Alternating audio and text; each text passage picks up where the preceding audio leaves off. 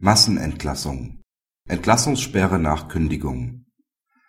Die Vorschrift des § 18 Absatz 1 Kündigungsschutzgesetz verbietet nicht den Ausspruch einer Kündigung unmittelbar nach Erstattung einer Massenentlassungsanzeige, noch führt sie zu einer Verlängerung der anwendbaren Kündigungsfrist. Der Arbeitgeber zeigt am 26.04.2006 die beabsichtigte Massenentlassung von insgesamt 27 Mitarbeitern an.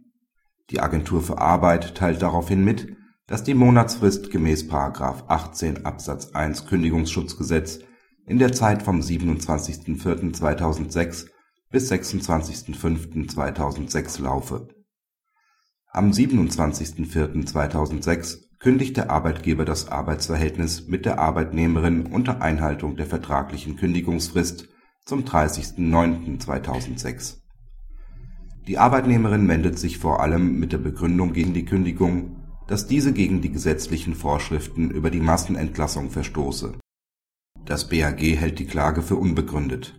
Die Kündigung ist nicht wegen Verstoßes gegen die Paragraphen 17 und 18 Kündigungsschutzgesetz unwirksam die genannten Vorschriften führen auch nicht dazu, dass sich der Kündigungstermin auf einen anderen Zeitpunkt nach hinten verschiebt. Nach § 18 Absatz 1 Kündigungsschutzgesetz werden anzeigepflichtige Entlassungen vor Ablauf eines Monats nach Eingang der Anzeige nur mit Zustimmung der Agentur für Arbeit wirksam. Das bedeutet, dass bis zum Ablauf der Monatsfrist eine vom Arbeitgeber erklärte Kündigung keine Wirkung entfalten kann. Dies gilt selbst dann wenn man unter Entlassung im Sinne der Norm den Ausspruch der Kündigung selbst versteht. Dem Gesetzeswortlaut lässt sich lediglich entnehmen, dass die ausgesprochene Kündigung ohne Einhaltung der Mindestfrist von einem Monat nicht vollzogen werden kann. Das Wirksamwerden bezieht sich somit auf den Eintritt der Rechtsfolgen der Kündigung und nicht auf deren Ausspruch. Das entspricht auch dem Gesetzeszweck, nachdem lediglich ein Mindestzeitraum zwischen der Anzeigenerstattung und der tatsächlichen Beendigung des Arbeitsverhältnisses liegen soll. Dieser Zweck folgt unmittelbar auch aus Artikel 4 Absatz 1 der Richtlinie 98/59 EG, sogenannte Massenentlassungsrichtlinie, sowie der einschlägigen Rechtsprechung des EuGH. Dementsprechend werden faktisch von der Sperrfrist nur solche Kündigungen erfasst, bei denen die Kündigungsfrist kürzer als die Sperrfrist ist die Regelung in § 18 Absatz 1 Kündigungsschutzgesetz führt auch nicht dazu, dass die Kündigungsfrist erst mit Ablauf der Sperrfrist in Gang gesetzt wird. Sinn und Zweck der Regelung erfordern eine solche Verlängerung der individualrechtlichen Kündigungsfrist nicht, da die gesetzliche Vorschrift primär arbeitsmarktpolitischen Zwecken und nicht dem kündigungsrechtlichen Schutz des betroffenen Arbeitnehmers dient.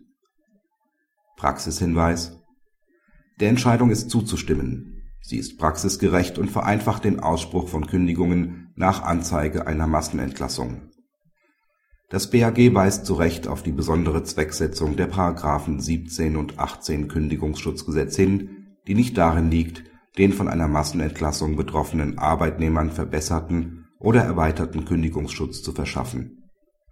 Das Urteil beantwortet insoweit eine wichtige, mit der Jung-Entscheidung des EuGH aufgekommene Frage Ungeklärt bleibt lediglich, welche Bedeutung der sogenannten Freifrist in § 18 Absatz 4 Kündigungsschutzgesetz künftig noch zukommt. Das BAG deutet hier, freilich obiter dictum, eine Lösung an, wonach die Norm den Arbeitgeber lediglich dazu verpflichtet, die beabsichtigten Kündigungen innerhalb von 90 Tagen auszusprechen, also zu erklären. Auf den tatsächlichen Ablauf der Kündigungsfrist käme es dann nicht mehr an damit würde insbesondere vermieden, dass Arbeitgeber zu unnötigen Vorratsmeldungen im Hinblick auf unterschiedlich auslaufende Kündigungsfristen gezwungen werden